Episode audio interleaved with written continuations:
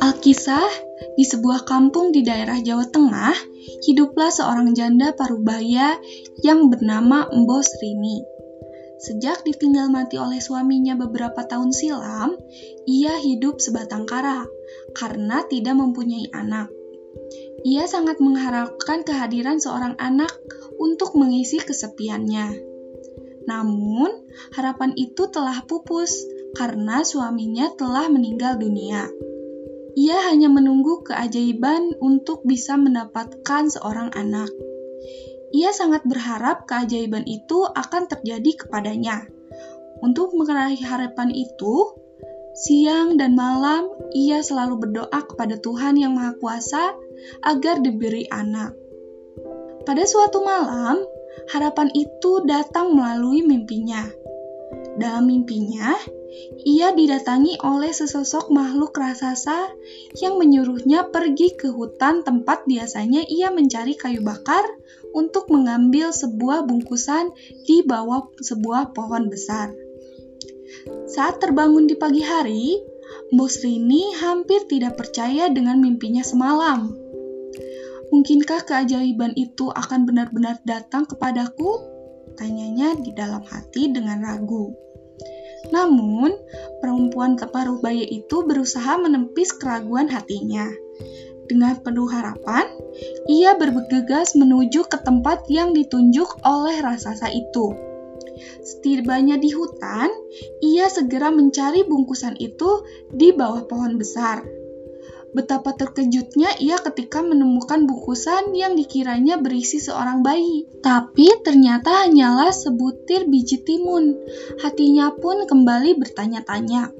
Apa maksud raksasa itu memberiku sebutir biji timun? Gumam janda itu dengan bingung. Di tengah kebingungannya, tanpa ia sadari, tiba-tiba sesosok makhluk raksasa berdiri di belakangnya sambil tertawa terbahak-bahak. Bos Rini pun tersentak kaget, seraya membalikan badannya. Betapa terkejutnya ia ketika raksasa itulah yang hadir dalam mimpinya. Ia pun menjadi ketakutan. Ampun, Tuan Raksasa, jangan memakanku. Aku masih ingin hidup. Pinta Bos Rini dengan muka pucat. Jangan takut, hai perempuan tua. Aku tidak akan memakanmu. Bukankah kamu menginginkan seorang anak? Tanya raksasa itu. Benar, Tuan Raksasa. Jawab Bos Rini dengan gugup. Kalau begitu, segera tanam biji timun itu. Kelak kamu akan mendapatkan seorang anak perempuan. Tapi ingat, kamu harus menyerahkan anak itu kepadaku saat ia sudah dewasa. Anak itu akan kujadikan santapanku ujar raksasa itu. Karena begitu besar keinginannya untuk memiliki anak, tanpa sadar, Bos Rini menjawab, Baiklah, Tuan Raksasa, aku bersedia menyerahkan anak itu kepadamu. Begitu Mbos Rini selesai menyatakan kesediaannya, raksasa itu pun menghilang. Perempuan itu segera menanam biji timun itu di ladangnya. Dengan penuh harapan, setiap hari ia merawat tanaman itu dengan baik. Dua bulan kemudian, tanaman itu pun mulai berubah. Namun anehnya, tanaman timun itu hanya berbuah satu Semakin hari, buah timun semakin lebih besar melebihi timun pada umumnya. Warnanya pun sangat berbeda, yaitu berwarna kuning keemasan. Ketika sebuah timun masak, Bos Rini memetiknya, lalu membawanya pulang ke gubuknya dengan susah payah karena berat. Betapa terkejutnya ia setelah membelah buah timun itu. Ia mendapati seorang bayi yang sangat cantik. Saat akan menggendongnya, bayi itu tiba-tiba menangis. Alangkah bahagianya hati Mbok Rini mendengar suara tangisan bayi yang sudah lama dirindukannya itu. Ia pun memberi nama bayi itu Timun Mas. Perempuan parubaya itu tak mampu lagi menyembunyikan kebahagiaannya. Tak terasa, Air matanya menetes membasahi kedua pipinya yang sudah mulai keriput. Perasaan bahagia itu membuatnya lupa kepada janjinya bahwa ia akan menyerahkan bayi itu kepada raksasa jika sudah besar. Ia merawat dan mendidik Timun Mas dengan penuh kasih sayang hingga tumbuh menjadi gadis yang cantik jelita. Janda tua itu sangat bangga karena selain cantik, putrinya juga memiliki kecerdasan yang luar biasa dan peragai yang baik. Oleh karena itu, ia sangat sayang kepadanya. Suatu malam, Bos Rini kembali bermimpi didatangi oleh raksasa itu dan berpesan kepadanya bahwa seminggu lagi ia akan datang menjemput Timun Mas. Sejak itu, ia selalu duduk termenung seorang diri. Hatinya sedih karena ia akan berpisah dengan anak yang sangat disayanginya itu ia baru menyadari bahwa raksasa itu ternyata jahat karena timun mas akan dijadikan santapannya. Melihat ibunya sering duduk termenung, Timun Mas pun bertanya-tanya dalam hati. Suatu sore, Timun Mas memberanikan diri untuk menanyakan kegundahan hati ibunya. Ibu, mengapa akhir-akhir ini ibu selalu tampak sedih? Tanya Timun Mas.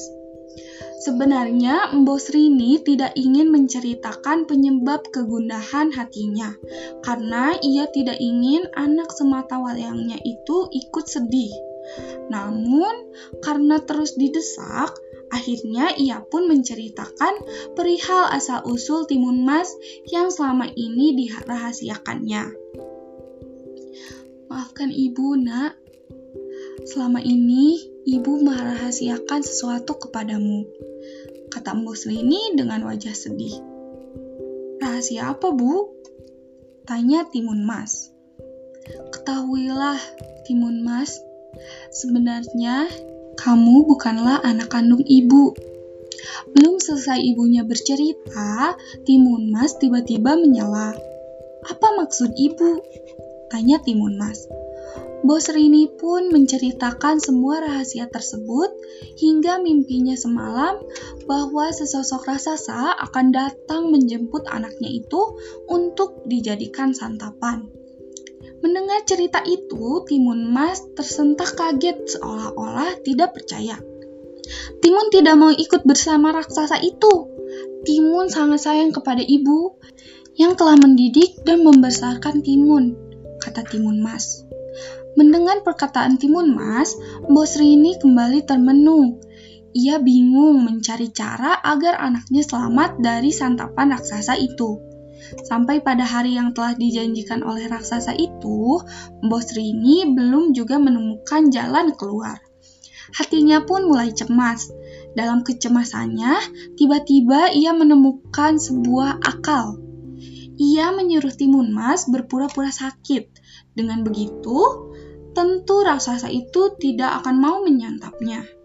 Saat matahari mulai senja, raksasa itu pun mendatangi gubuk Mbosri. Hai perempuan tua, mana anak itu? Aku akan membawanya sekarang. Pinta raksasa itu. Maaf tuan raksasa, anak itu sedang sakit keras. Jika kamu menyantapnya sekarang, tentu dagingnya tidak akan enak. Bagaimana kalau tiga hari lagi kamu datang kemari? Saya akan menyembuhkan penyakitnya terlebih dahulu. Bujuk Embo Serini mengulur-ulur waktu hingga ia menemukan cara agar Timun Mas bisa selamat. Baiklah kalau begitu. Tapi kamu harus berjanji akan menyerahkan anak itu kepadaku, kata raksasa itu. Setelah Embo Serini menyatakan janji, raksasa itu pun menghilang. Bos Rini kembali bingung mencari cara lain. Setelah berpikir keras, akhirnya ia menemukan cara yang menurutnya dapat menyelamatkan anaknya dari santapan raksasa itu. Ia akan meminta bantuan kepada seorang pertapa yang tinggal di sebuah gunung. Anakku, besok pagi-pagi sekali ibu akan pergi ke gunung untuk menemui seseorang pertapa. Dia adalah teman almarhum suami ibu.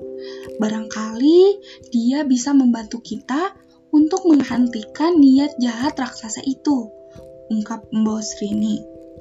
Benar ibu, kita harus membinasakan raksasa itu. Timun tidak mau menjadi santapannya. Imbuh Timun Mas. Keesokan harinya, pagi-pagi sekali, berangkatlah Mbok Srini ke gunung itu. Sesampainya di sana, ia langsung menemui pertapa itu dan menyampaikan maksud kedatangannya. Maaf Tuan Pertapa, maksud kedatangan saya kemari ingin meminta bantuan kepada Tuan, kata Mbok Srini. Apa yang bisa aku bantu, Mbok Srini? Tanya Pertapa itu. Mbok Srini pun menceritakan masalah yang sedang dihadapi anaknya. Mendengar cerita Mbok Srini, pertapa itu pun bersedia membantu. Baiklah, kamu tunggu di sini sebentar. Seru pertapa itu seraya berjalan masuk ke dalam ruang rahasianya. Tak berapa lama, pertapa itu kembali sambil membawa empat buah bungkusan kecil lalu menyerahkannya kepada Mbok Srini. Berikanlah bungkusan ini kepada anakmu. Keempat bungkusan ini masing-masing berisi biji timun, jarum, garam, dan terasi. Jika raksasa itu mengejarnya, suruh sebarkan isi bungkusan ini. Jelas pertapa itu. Setelah mendapat penjelasan itu, Mbok Srini pulang membawa keempat bungkusan tersebut. Tiba di gubuknya, Mbok Srini menyerahkan keempat bungkusan itu dan menjelaskan tujuannya kepada Timun Mas. Kini hati Mbok Srini mulai agak tenang karena anaknya sudah mempunyai senjata untuk melawan raksasa itu. Dua hari kemudian, raksasa itu pun datang untuk menagih janjinya kepada Mbok Srini. Ia sudah tidak sabar lagi ingin membawa dan menyantap daging timun mas. Hai perempuan tua, kali ini kamu harus menempati janjimu. Jika tidak, kamu juga akan kujadikan santapanku. Ancam raksasa itu. Mbok Srini tidak gentar lagi menghadapi ancapan itu. Dengan tenang, ia memanggil Timun Mas agar keluar dari dalam gubuk. Tak berapa lama, Timun Mas pun keluar lalu berdiri di samping ibunya. Jangan takut anakku, jika raksasa itu akan menangkapmu, segera lari dan ikuti petunjuk yang telah kusampaikan kepadamu. Mbok Serini membisik kepada Timun Mas. Baik ibu, Melihat timun mas yang benar-benar sudah dewasa, raksasa itu semakin tidak sabar ingin segera menyantapnya. Ketika ia hendak menangkapnya, timun mas segera berlari sekencang-kencangnya. Raksasa itu pun mengejarnya. Tak ayah lagi, terjadilah kejar-kejaran antara makhluk raksasa dengan timun mas. Setelah berlari jauh, Timun Mas mulai kelelahan, sementara raksasa itu semakin mendekat. Akhirnya, ia pun mengeluarkan bungkusan pemberian pertapa itu. Pertama-tama, Timun Mas menebar biji timun yang diberikan oleh ibunya. Sungguh ajaib, hutan di sekelilingnya tiba-tiba berubah menjadi ladang timun.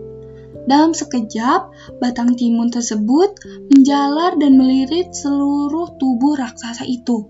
Namun, raksasa itu mampu melepaskan diri dan kembali mengejar timun mas. Timun Mas pun segera melempar bungkusan yang berisi jarum.